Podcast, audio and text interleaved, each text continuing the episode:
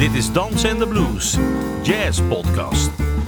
Art Blakey zei: Jazz has to be danceable and has to have blues.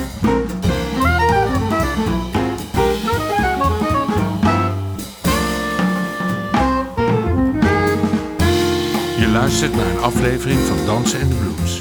Een podcast over jazz met kleurrijke gasten, indringende gesprekken, sterke verhalen en vooral swingende muziek. Mijn naam is Ben van der Dungen en vandaag spreek ik met een avonturierster die met de muziek over de hele wereld heeft gereisd. Een bassiste met een superbeat.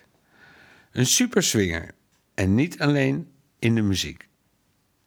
Een natural in Latin music. Ik heb het over Adinda Meertens. Hallo Adinda. Zo, wat een intro. Nou, voordat we gaan praten eh, over je, zeg maar je, je, muzikale carrière en de muziek, ga je eerst een stukje spelen. Wat ga je spelen? Ja, nou, ik ga een oude bolero spelen van Pedro Flores. Die heet Obsession. Maar we spelen hem niet als bolero, maar we hebben er een eh, ander arrangementje van gemaakt.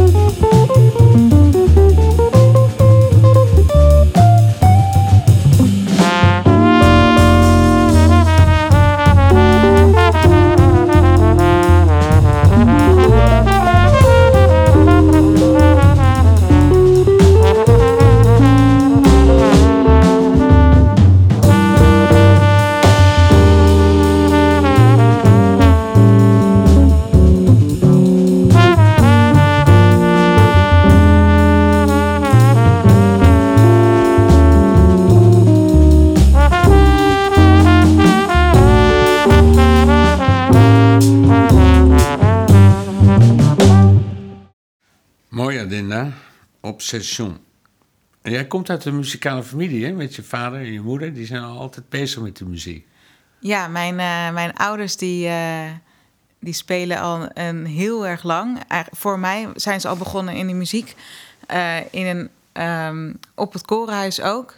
In een salsa band. Wauw. En, hebben, ze, daar, hebben ze daar elkaar leren kennen, of niet? Nee, niet zo lang geleden. Ah. Nee, nu praten we nog steeds over. Nu praten we al over de jaren negentig. Oké, mooi. zeg maar. En mijn moeder, die. ehm, ze zaten ook samen op dansles. Volgens mij had mijn moeder een keer een cursus salsa dansen cadeau gekregen van een vriendin. En ehm, toen raakte ze dus verliefd op die muziek. En dan ging ze altijd in de centrale bibliotheek in Den Haag, op het Spui, ging ze dan cd's huren. En dan thuis zette ze die op een eh, cassettebandje. En ik moest altijd met haar mee, want ik was nog eh, jong. En terwijl zij die cd's aan het uitzoeken was... toen ben ik... Op die afdeling had je ook allemaal boeken liggen... over orkesten en andere muziekboeken. En toen sloeg ik zo'n boek open... en toen zag ik eh, in zo'n heel groot orkestboek... zag ik een plaatje staan van een symfonieorkest. En in die periode begonnen er bij mij in de klas al kindjes viool te spelen. En toen zag ik dus helemaal achter, achteraan, achter de violen en achter de cello's... zag ik toen eh, de contrabassen staan. En toen dacht ik, nou, dat wil ik. Weet je, ik wil niet ook viool gaan spelen. Ik wil, eh, weet je, contrabas. Dat is veel cooler, is veel groter. Maar je was hartstikke klein en een groot ding. Ja, Hoe- ik was al klein dat? voor mijn, voor mijn leeftijd. En ehm, omdat eh, mijn vader die bracht mijn, mijn, mijn zus al elke week naar de muziekschool. En die zag toen een affiche hangen met contrabasles voor kinderen. Toevallig. Wauw. Dus toen, eh, mijn moeder die zei altijd van... nee, je bent veel te klein, weet je, Ja, wil je niet je viool of cello gaan eh, spelen? Ja. En ehm, nou, toen bleek het dus toch te kunnen. En eh, toen hadden ze... Ik weet dat het koorhuis heeft toen een paar kwartbasjes... dat zijn hele kleine contrabasjes, Ah. dus uit Roemenië gehaald. Met hele slechte snaren. Dus ik heb het zeg maar eh, hard moeten leren. Hoe zeg je, je dat? hard aan trekken, zeg maar. Ja, ja. Ja. Ja. Dus toen was ik de eerste ehm, contrabas eh, eh, leerling van de kinderafdeling Ah.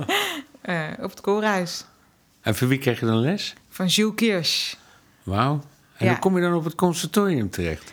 Nou, Jules Kirsch, die, ehm, ik leerde daar klassiek contrabas. Ja? En hij mocht eh, eens in de maand mocht hij twee van zijn eh, jongste leerlingen mocht hij meenemen naar een voorspooravond op het conservatorium in Amsterdam. En er waren dan ook leer, eh, contrabasleraren uit Utrecht en Amsterdam en Rotterdam, denk ik. En ehm, nou, hij nam dan ons mee, maar hij verkocht het als... kom, we gaan bij de Febo eh, snacken. Oh, dus maar dan moeten jullie wel mee. eerst even iets eh, spelen. Dus ja, da- daarvoor, daar gingen wij voor, voor mee. Ja, dat begrijp ik. En nou, dat was hartstikke leuk altijd. En een van die leraren die daar ook was... die dan, de rest was allemaal met, met, zijn, met hun conservatoriumstudenten... En eh één leraar die daar ook was, die heette Peter Leerdam. En Peter Leerdam die wilde een basklas beginnen in Rotterdam. En toen eh, heeft hij gevraagd of ik daar eh, bij hem wilde beginnen. Nou, dat is wel een te gekke docent. Ja, zeker. Ja, Maar, maar die lette muziek, want dan ben je alleen maar aan het strijken. En, en Ja. dat is natuurlijk geen echte swinger, die gast. nee, het was alleen maar strijken. En toen kwam ik ook eh, Pieter de Hoogweg in Rotterdam op het, in het jeugdorkest terecht. Aha. En ehm, ja, Latin heb ik ehm, op het korenhuis leren spelen. Want mijn ouders die zaten dus in een salsa-bandje eh, op het korenhuis. En toen kwam mijn moeder erachter dat die leraar, Doy Salzbach... dat hij vroeger Ja. een kindersalsa-band ook leidde. En die heette de Mambo Kids. Wat en toen leuk. zei mijn moeder, dat is leuk. Ik heb twee dochters, die spelen ook muziek. En toen ehm, is zij dat met hem weer eh, gaan opzetten. En toen ben ik daar eigenlijk eh Latin beginnen te spelen. En dan zit je op het conservatorium en dan in één keer start die hele wereldmuziekafdeling. Met letten en weet ik veel wat. Als je even die sprong maakt van je zit op een gegeven Ja. moment op dit conservatorium en dan dus dan besluit je om letten te gaan studeren en niet om klassiek te gaan doen? Ja, ik vond het wel lastig, want ik kreeg altijd heel goed klassiek les. En ik was denk ik ook wel een beetje gehecht aan die leraar en die lessen. En dat ging, uh, dat ging ook wel in een goed tempo vooruit. En toen dacht ik, ja, zie ik mijzelf als zie ik mijzelf in een orkest zitten of zie ik mijzelf op een podium staan met, uh, met een uh, band voor me? En toen dacht ik, ja, mijn toekomst is toch. Mijn studie is klassiek, maar mijn toekomst qua, carrière is toch wel die Latin-muziek. Dus toen heb ik toch de keuze gemaakt om hoofdvak voor Latin te gaan. Nou, eerst heb ik hoofdvak Latin en hoofdvak klassiek gedaan.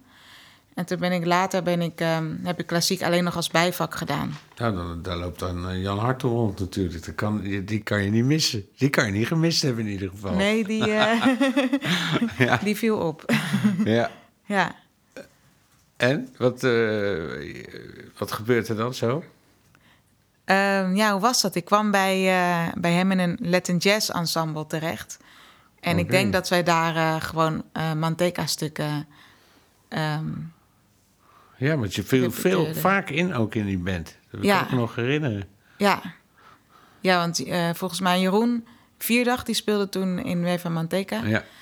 En die was zo druk met allemaal andere bands. Dus ja, en ik vond het natuurlijk waanzinnig om, um, om, om die repetities al uh, mee te doen. Dus... Hey, en als je dan uh, met die Latin jazz bezig bent, dat is toch net even iets anders dan salsa, toch? Ja, ja. En dat, heeft dat heeft je altijd getrokken. Latin dat, jazz of salsa? Ja, is dat ook de reden... Nou, salsa, dat begrijp ik, maar Latin ja. jazz... Is dat ook de reden dat je naar New York uh, bent gegaan op een gegeven moment? Ja, zeker. Ja, ja uh, van, jou, van uh, Jan Laurens Hartong kreeg ik een hele lijst met cd's die ik moest gaan, gaan checken. Oh ja. En um, dat waren onder andere cd's van de Fort Apache Band. Okay. En die band kende ik nog niet. Maar de bassist kende ik wel. Want het is dezelfde bassist die ook in een salsa band speelde. Die heette Conjunto Libre. Ja. En um, die heet Andy Gonzalez. En Andy Gonzalez heeft samen met zijn broer Jerry Gonzalez... heeft hij de Fort Apache Band opgezet. Ja. En dat is... Ja, het toffe aan die band is dat... Um, ja, ik denk altijd, je hebt Latin jazz. Dus dan, dan, dan heb je dat komt meer. Ja, hoe zeg je dat? Um, je hebt twee verschillende soorten Latin jazz. De, eentje is, de ene is meer jazz en de andere is meer Latin, ja, ja. vind ik. Maar de Fort Apache Band heeft een heel nieuw concept, concept aangegeven. Ja. Zullen we een stukje luisteren naar, uh, naar Andy? Ja. Wat, wat wil je horen? Uh, een stukje dat heet Obatala. Obatala.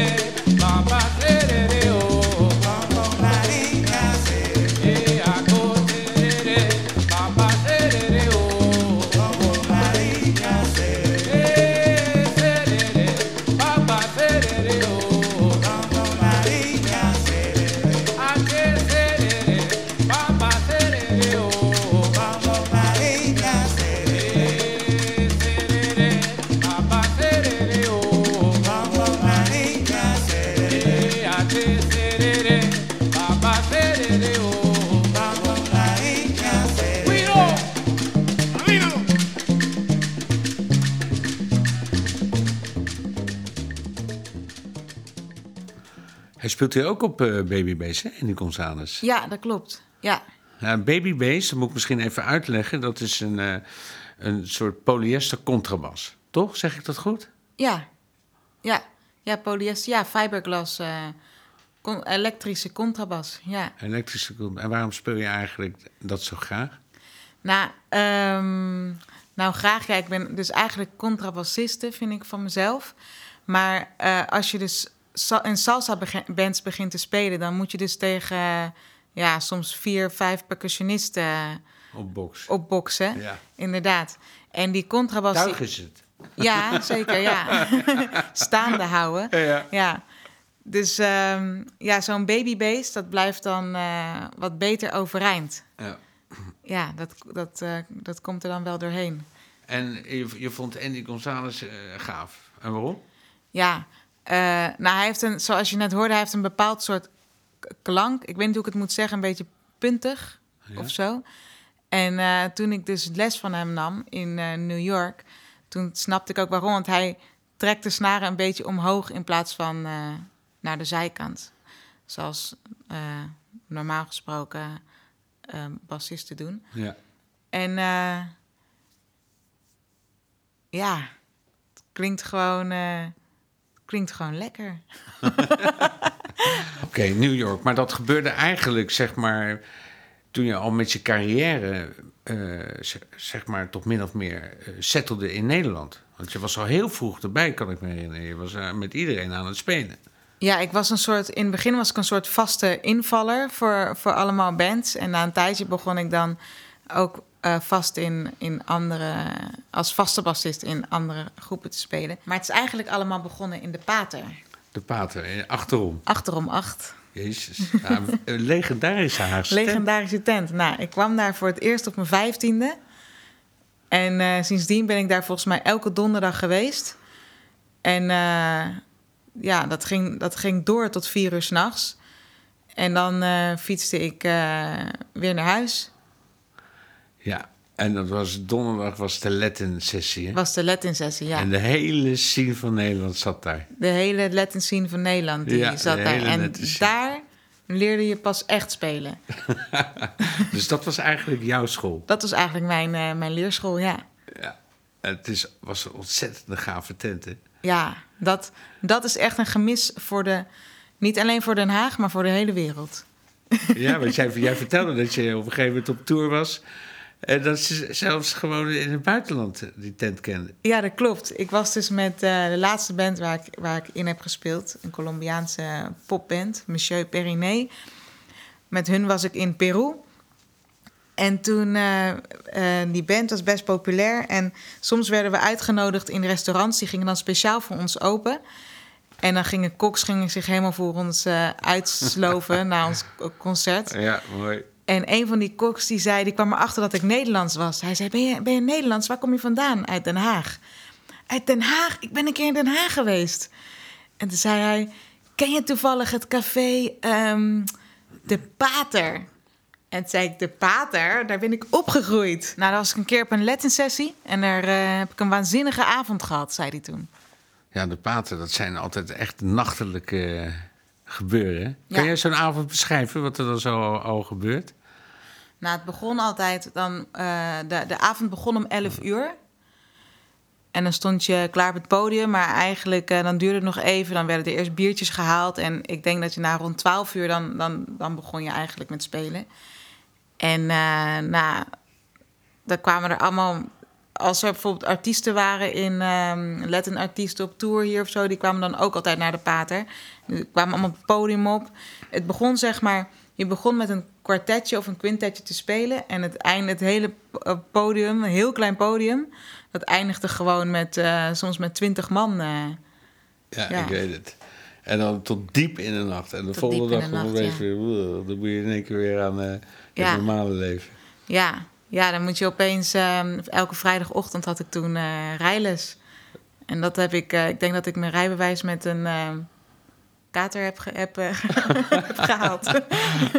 ja, gelijk je gage wat je kreeg, kon gelijk eh, uitgedeeld worden. ja, ja, ik had die, eh, de- die, die 30 piek die we toen kregen, die zat nog in mijn achterzak. Dus die kon ik laten zitten en die, eh, moest ik toen gelijk weer inleveren, inderdaad. Wat ik zo bijzonder aan jou vind, en dat heb ik ook in die, dat intro, eh, introductie heb ik dat gezegd.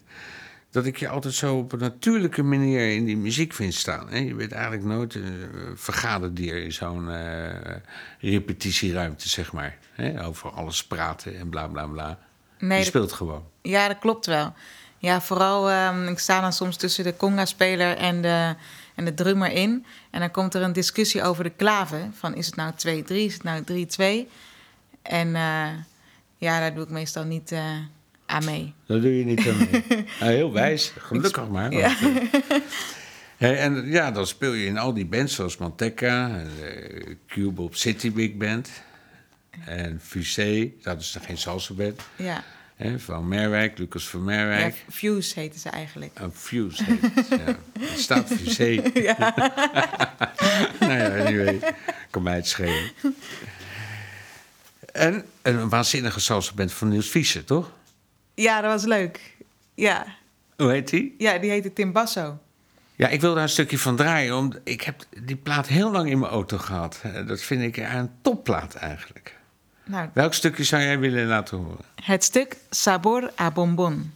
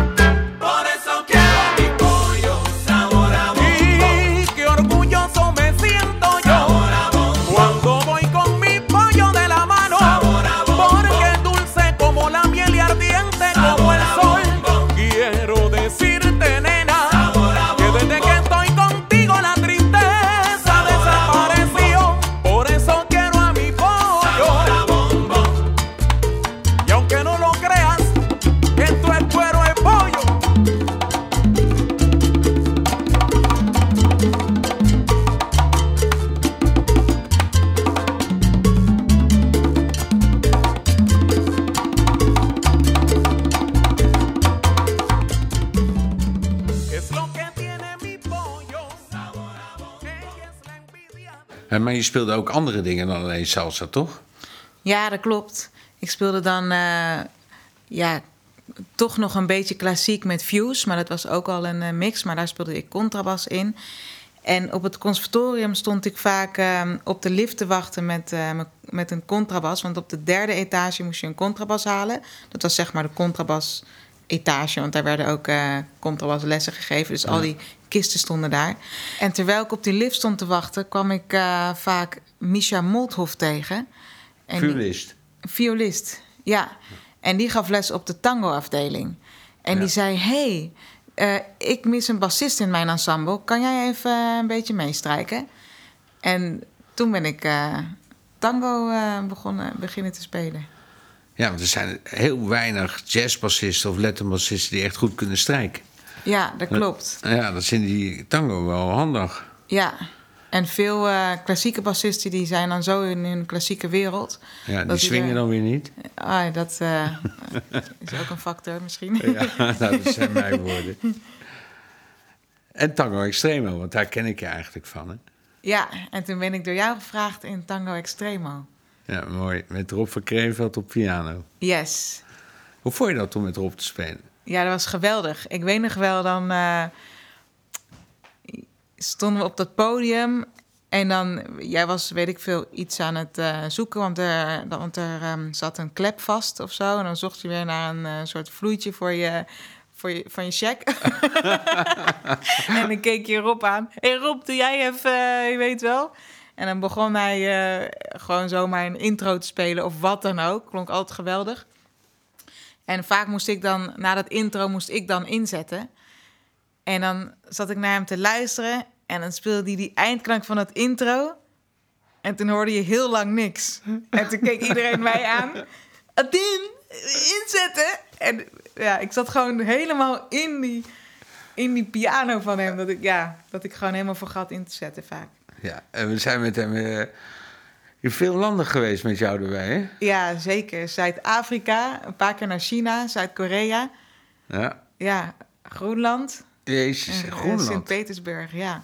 Daar kom je nooit meer waarschijnlijk, hè? Nee, dat wist ik toen al. Toen ik daar eh, het vliegtuig uitstapte. En dan zo... Ja, zo, je staat op zo'n witte vlakte. Het was ook winter. Het was iets van min 30 of zo. Ja, raar dat ze het Groenland noemen eigenlijk. Ja, nou in de zomer schijnt het... Schijnen er wat groene plekken tevoorschijn te komen. Maar ik weet nog wel dat ik naar het water toe liep. En toen zag ik die ijsschotsen voorbij komen drijven. En toen dacht ik, nou, hier kom ik dus nooit meer terug. Dit is gewoon zo uniek. En weet je nog dat we, dat we walvis gingen kopen in de supermarkt? ja, zeker. Zelf koken? Ja, en die dieren moeten dus echt eh, beschermd blijven. Hè? Want walvis is zo smerig.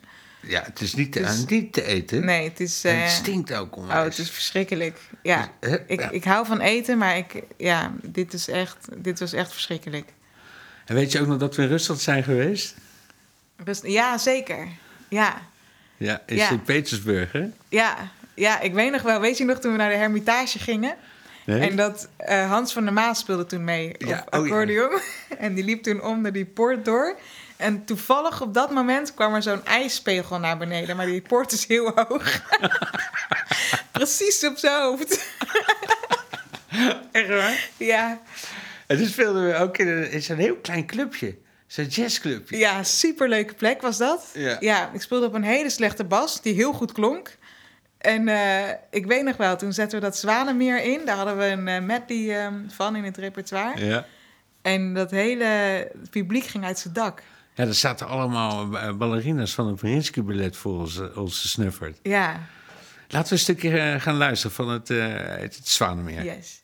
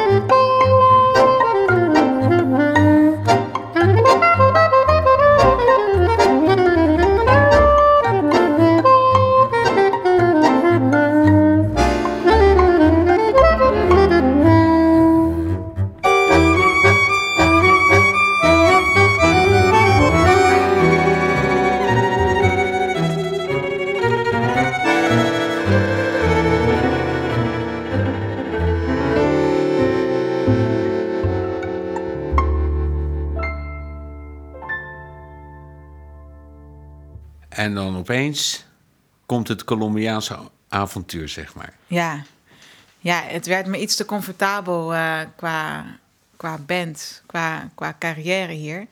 Ik dacht, eh, ik zat in zulke leuke groepen. En toen dacht ik, ja, als ik nu niet wegga, dan, eh, dan, blijf ik, dan blijft het zoals het nu is. En toen, En daar was je te jong voor. ja, toen ben ik naar Colombia gegaan. Wat een avontuur, hè? Ja, ja. En hoe ging dat? Nou, ik ging daar eigenlijk. Het plan was eigenlijk om terug te gaan naar New York. eh, om daar eh, langer te gaan wonen. En toen eh, speelde ik hier in, de, in het paard. Speelde ik een concert met Maite Hontelee. Toen viel ik in voor, voor de bassist die niet kon.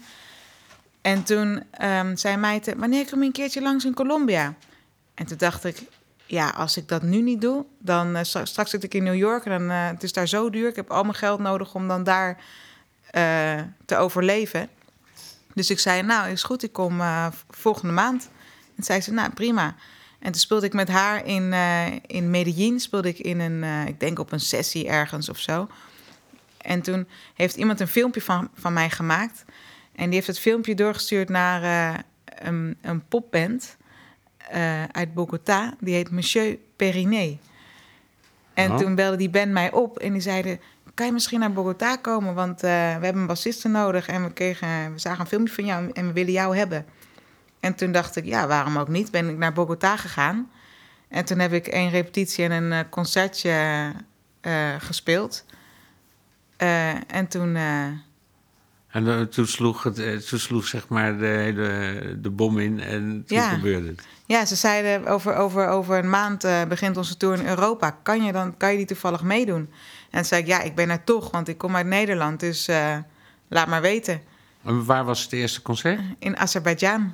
Zo? Ja, Gezellig? nee. Met de band wel, maar het land is niet heel gezellig. Het was wel heel bijzonder om er, om er geweest te zijn. En, en die band die begint dan zo, hè? die toert een beetje zo in de clubcircuit en, eh, en dat. En in één keer dan, ja, dan wordt het echt een bekende band. Ja, En jij was- zit erbij. Ja, het was eerst een. Eigenlijk was het eh, een jazz manouche bandje. Een gypsy jazz, zeg maar, Django Reinhardt eh, stijl. Maar dan met Colombianen. Dus ze mixen die stijl met Colombiaanse percussie. Ja, een soort cumbia-achtige vibe of niet? Ja, en ze zetten heel veel filmpjes van zichzelf op YouTube. En toen is dat opgepikt ehm, door ehm, de, de, een van de oprichters van Calle Trece. Dat zijn Ah, Dat zijn ehm, twee broers die die band hebben. Visitante en een Residente. En Visitante die maakt alle muziek voor die band. En hij speelt meestal toetsen of, of gitaar eh, eh, mee. En, en hij wilde onze nieuwe cd produceren. Dus die heeft ons uitgenodigd. En toen zijn we een maand lang bij hem thuis. Want hij heeft een eh, home studio. In Puerto Rico zijn we toen in San Juan. Hebben we toen eh, een, nieuwe, ja, een nieuwe plaat opgenomen. Met hem als producer. En die plaat die deed het zo goed... dat hij ehm, genomineerd was voor, eh, eh, voor de Grammys. En ook voor de Latin Grammys. En toen uiteindelijk hebben we eh, een Latin Grammy dus gewonnen. En dan kom je opeens eh, in een hele andere league. in een hele andere league. Dan word je opeens Ja. opgepikt door... eh, ja, Het klinkt toch als een, als een soort droom die iedereen graag ja, hoopt ooit te bereiken. Iedereen studeert op een kans die dus zich nooit voordoet. En jij valt zo met je neus in de boter. ja, ja. Dat vind ik mooi. Verschrikkelijk, ja. ja, ik was precies op het goede moment, eh, op de goede plek. En kon je dat aan, zeg maar, die hele... Want dan, dan gaan er hele andere mechanismes werken, neem ik aan. Hè? Dan moet er geld verdiend worden en dan wordt het, eh, zeg maar, opgeschaald. De plekken waar je speelt. Ja, nou, het geluk ehm, was natuurlijk dat in Colombia... ehm, voor Colombiaanse begrippen was het, was het makkelijker... eh, eh, verdiende, verdiende ik als muzikant beter. Dus muziek is daar, is daar veel meer waard dan het in Nederland eigenlijk eh, waard is. Dan zit je niet hier als muzikant, ben je toch een beetje van eh, hobbymatig bezig. Of zo wordt het in elk geval gezien. En ja, daar, daar kan je eigenlijk niet van overleven. Maar je doet het toch. En in Colombia ben je een soort van. eh, ja, als je daar muzikant bent, wow, wat waanzinnig, weet je, dat, dat, je, dat je dat kan. En dan, En dan ook nog van een bekende band. ja, Dus je wordt een bekende Colombiaan, een zeg bekende maar. Colombiaan, ja. Ja, En al die toestanden eromheen van het geld en met, eh, met managers en, en, en grote toeren en alles en nog wat. ja in het begin was het, eh, eh, was het sowieso heel gezellig. En toen opeens, toen, tekende, toen kwam de tijd, toen tekende de band bij Sony. En sindsdien is het wel een beetje veranderd. Toen kregen we ook een nieuwe manager. Oh, en oh. eh, dat was zeg maar gewoon het bekende verhaal van... eh, Ja, ja, dan- dan ben je weer gewoon de muzikant van de band, ja. eigenlijk. En dan En- moet al het geld naar andere dingen gaan. Ja, naar andere dingen. Zoals? Ja, nou, we reizen sowieso met eh, vijf technici. Ja. Dus dan heb je een, eh, een geluidsman, een lichtman, een videoman, eh, een stagehand hadden we, een, een guitartech. En dan hadden we nog een designer, want we speelden, we speelden altijd eh, in... We hadden voor, voor elke tour een, andere outfit. En eh, andere, dat werd dan helemaal op elkaar afgestemd. Je kon het ook niet mengen. Je moest dan ehm, de outfit van dat concert moest je dan aandoen. En eh, ja, we hadden ook choreografieën, dus er zat ook een choreograaf bij. En op het eind zat er een, ehm, ook een personal assistant bij. En die ook eh, eh, kapper was en de make-up deed van de zangeres. En toen dacht ik, ja, Toen had je het wel gehad. ja, toen dacht ik, volgens mij is het nu wel mijn tijd om te gaan. Volgens mij En toen houdt het avontuur hier op. Ja, en toen ehm, ja, vloog ik terug naar Nederland. Ja. En dan opeens corona. ja. Jezus, van de timing. Ja, daar heeft het je nooit aan ontbroken. Nee, nee, ik heb, ja, zoals je net al zei, van eh, mensen hebben wel vaak gezegd dat ik een goede timing heb. En dat is niet alleen in de muziek, eh, denk ik zo. Zullen we een stukje luisteren van... eh, Van Michel Periné, ja, Ja. leuk. wat, gaan we, wat gaan we luisteren? Ehm, een stukje van de, van de eerste plaat die ik met hun heb opgenomen, die we samen met eh Visitante, de producer, hebben gemaakt. En het heet Tu m'as promis.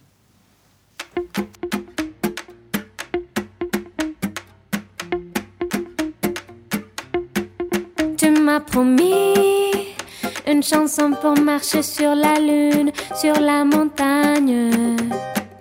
Tu m'as promis une chanson pour danser sous la pluie, sur la pointe des pieds. Une chanson m'accompagne pour jamais te quitter. Une chanson pour ne pas t'oublier. Tu m'as promis une chanson pour flotter sur la mer comme les nuages. Tu m'as promis une chanson pour éclater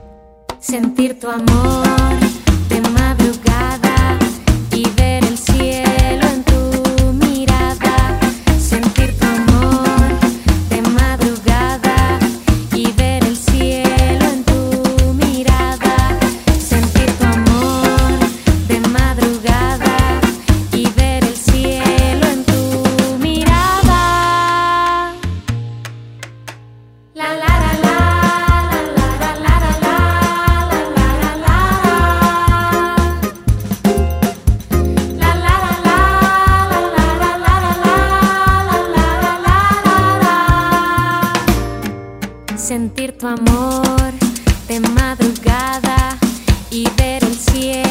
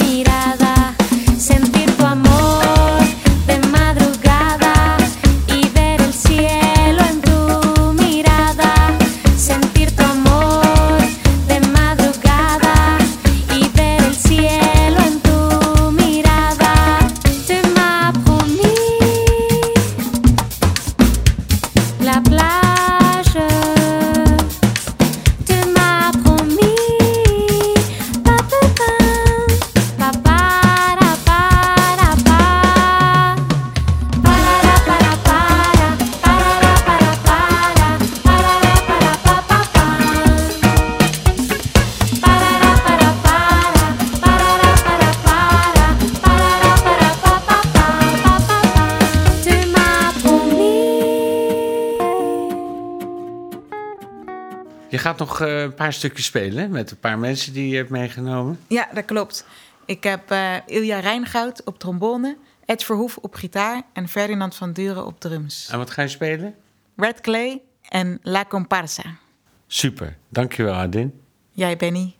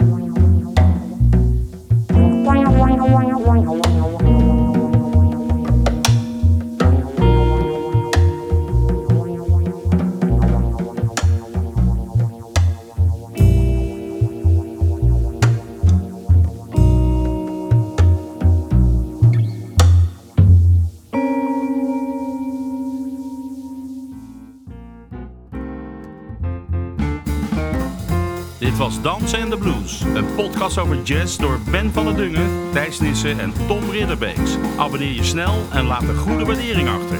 Wil je meer weten? Kijk dan op dansenendeblues.nl en volg ons op Instagram en Facebook. Dankjewel voor het luisteren en tot de volgende keer.